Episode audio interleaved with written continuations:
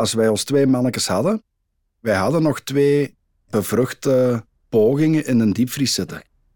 En wij hebben daar toen heel hard mee bezig geweest van ja, maar dat zijn op een of andere manier ons kinderen. We kunnen die toch niet laten zitten of weggooien. Dus wij hebben dan uiteindelijk beslist van die pogingen ook nog te doen, die dat spijtig genoeg weer niet gelukt zijn. Ik ben Nele Ameloot en dit is Project Baby. Ehm, Een podcast over leeuwen en ijsbeertjes. ik ben echt uitgevochten sinds heel dat ICSI-proces. Ik, ik wil niet meer vechten in mijn leven. Ik ben echt uitgevochten. Ik ben er helemaal klaar mee. Ik wil gewoon nog genieten. Maar mijn vrouw, die zou terug beginnen met heel het proces. Hè? Dat ik denk van hoe een leeuw kunde zijn. Terwijl ik, ik ben een lammeke geworden. In tegenstelling tot Thijs van Este hadden mijn vriend en ik geen embryo's meer in de diepvries. We hadden wel meerdere bevruchte embryo's, maar slechts eentje bleek goed genoeg om te worden teruggeplaatst. Mijn dochter. Maar wat als wij er nog over hadden? Die vraag stel ik me soms wel. Dan zouden we die later, denk ik, ook nog wel proberen terugplaatsen. En zien wat er gebeurt? Als je in een fertiliteitstraject terechtkomt, krijgt het woord diepvries sowieso een heel nieuwe betekenis. Diepvriezers spelen een cruciale rol bij het bewaren van embryo's, maar natuurlijk ook zaadcellen en eicellen. Eigenlijk is het een IVF-behandeling die je gewoon in twee kapt. Hè? Dus je gaat gewoon tot het uithalen van de eicellen en dan eh, stopt de tijd. Dit is professor Stoop van het UZ Gent. Dan gaan die eicellen in de tank en die gaan op min 196 graden worden ingevroren. Tien jaar is dat nu in België, de bewaring van eicellen. En dan kan de vrouw wanneer ze wil een deel of al die eicellen laten ontdooien en dan ja, begint tijd weer te lopen, worden embryo's gemaakt en die teruggeplaatst. Toen ik 28 was, had ik nog niet de man van mijn leven ontmoet. En ik heb toen ook even gedacht, Zou ik binnen een paar jaar ook mijn eicellen moeten invriezen? Leeftijd speelt een belangrijke rol bij het oogsten en invriezen van eicellen. Vroeger waren de vrouwen minstens 37 jaar, en nu spreek ik over ruim 10 jaar terug. Eh, dat was dan nu of nooit, en dan deed men meerdere cycli. Nu komt men veel vroeger. Eigenlijk vanaf de, de 30 voorbij is, dan gaan er toch al veel aan, aan denken. Dat lukt dan ook meestal heel goed op die leeftijd, hebben ze vaak ook veel eicellen. Als je eicellen gaat vriezen, ja, dan moet je voor jezelf uitmaken ja, hoeveel keer ga ik het doen, hoeveel eicellen heb ik nodig en welke verwachte slaagkans kan ik mee leven. Een luxe oplossing is het niet. En er zijn geen garanties. Je hebt vaak soms wel een aantal puncties nodig om aan een voldoende aantal eicellen te geraken. Fertiliteitsarts Mariam Shiri. Eicellen die worden niet zo graag ingevroren. Dat wil zeggen dat je een heel aantal eicellen verliest door het invriezen en het ontdooien. Dat is anders bij een embryo, want embryo's die je invriest, die kunnen iets beter tegen het invriezen en het ontdooien. Dus je gaat eigenlijk inderdaad puur door het proces een heel aantal eicellen gaan verliezen. We zeggen meestal per eicel heb je ongeveer 5% kans om van die eicel zwanger te worden. Dus je ziet dat je wel een hoog aantal eicellen moet gaan invriezen om een goede backup te hebben. Dus ja, een goede twintigtal eicellen misschien om het dan hè, op- cijfers erop te plakken. Ja, dat is al pittig. Dat is al pittig, eh, niet alleen lichamelijk, maar ook financieel, want dat zijn echt wel dure hormonen. Want dat hoor je dan soms, hè, dat vrouwen... eh, dat dat zoiets is uit gemak of zo, dat ze dat doen. Maar het is echt omdat het op dat moment inderdaad, als je niet de juiste partner hebt of niet... Dan moet je dat inderdaad voor jezelf gaan overwegen van oké, kan ik dat financieel aan? En eh, ja, hoe zie ik mezelf over vijf à tien jaar? Ook mensen die met kanker geconfronteerd worden, kunnen in een fertiliteitstraject terechtkomen en zaadcellen of eicellen moeten invriezen. Die bewustmaking is vooral vanuit de fertiliteitswereld gekomen. Want die oncologen, en een beetje terecht, die denken van ja, het belangrijkste is het overleven.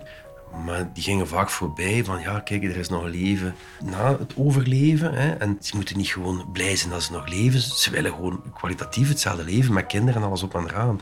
En als dat perfect kan voorzien worden, dan moeten we dat ook doen.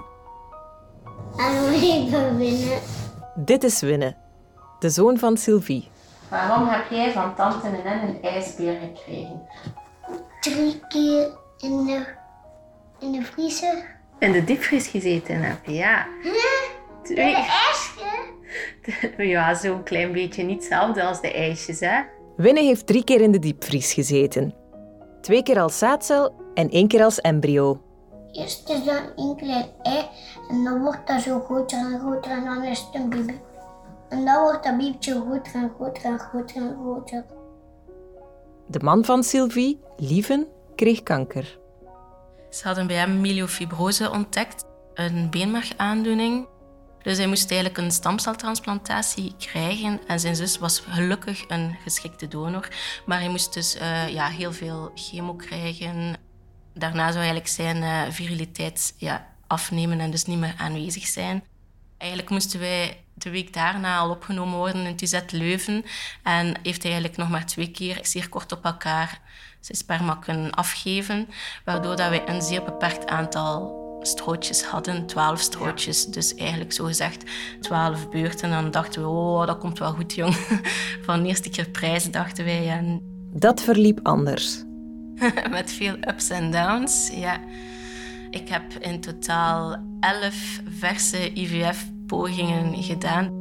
Dus dat is elf keer hormoonstimulatie, elf keer pick-up. Oh, Ja. Sylvie, amai. Chapeau. Want die hormoonstimulatie, ik heb daar eigenlijk nooit echt eh, lichamelijk sterk op gereageerd. Eh, dus dat vond ik, ik zou dat zo weer opnieuw doen. Ah ja, oké. Ja, ja. Dus dat wachten. De vijfde poging was niks. De zesde poging was niks. En dan zaten we al aan de eerste niet terugbetaalde poging. De zevende poging. En ze zeggen altijd, je mocht de moed wel eens verliezen, maar niet de hoop. Maar dat heb ik veel tegen mezelf moeten zeggen hoor. En dan heb ik eigenlijk overstimulatie gekregen, heel zware overstimulatie. Nadeel was een opname in het ziekenhuis van tien dagen, maar het voordeel was, ik was wel zwanger. En- Oh, je was zwanger Ja. tijdens die ja, overstimulatie. ja, tijdens of Ja. dankzij of door. Ja. En het was van een tweeling. Dus ik dacht, amai, dubbelprijs, yes. Dat heb ik er wel voor over, om Ja. er nog even te liggen. Eh, ja. En ik weet nog dat we dan, terwijl ik in het ziekenhuis lag, hadden we eigenlijk een reis gepland naar Rome. En eigenlijk ben ik een beetje vroeger naar huis gegaan om toch naar Rome te gaan. Ja, ik moet dan altijd denken, hoe zeggen ze dat? Eh, Rome zien en sterven. Ik heb mijn tweeling ja, daarna dan ook verloren.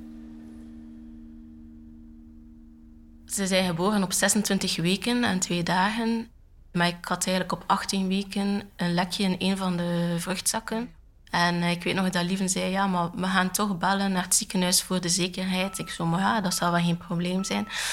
Maar op het moment dat ik daar op de stoel van de gynaecoloog ging liggen, eh gutste daar een hele hoop vruchtwater uit. En dan zag ik op het gezicht van mijn gynaecoloog... Oei, hij probeerde dat nog zo sereen mogelijk te houden, maar toch zag je van, dit is hier niet oké. Maar hij wist ook, ja, die heeft eigenlijk zo een lange weg afgelegd. En die wou er eigenlijk ook alles aan doen. Allee, de zevende poging, bent dan eindelijk zwanger. Eh, hij heeft mij ook laten opnemen in het ziekenhuis. Ik heb daar acht weken lang eh, op de materniteit gelegen, maar ik mocht niet meer bewegen, ook niet naar het toilet. Dan ben ik eigenlijk eh wegen beginnen krijgen op 26 weken. Dan heb ik een spoedkeizersnede gehad. Is Feline eerst geboren, allee, vooruit gehaald en dan eh, Juliette. En Feline heeft zes uur geleefd en eh, Juliette heeft twee dagen geleefd.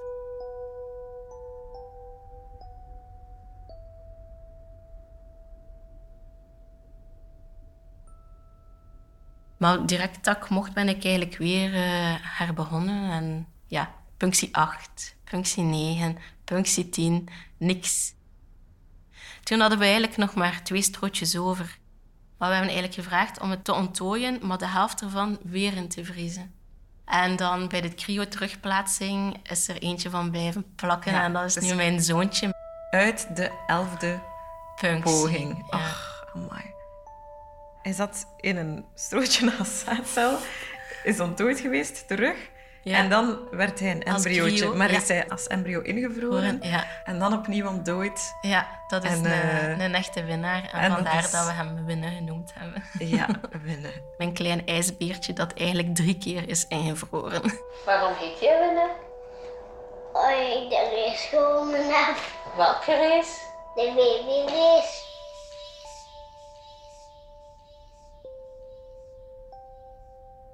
De dag dat hij naar school ging, toen hij dus twee jaar en een half was, dan zei hij, mijn werk is af, nu kan ik gaan.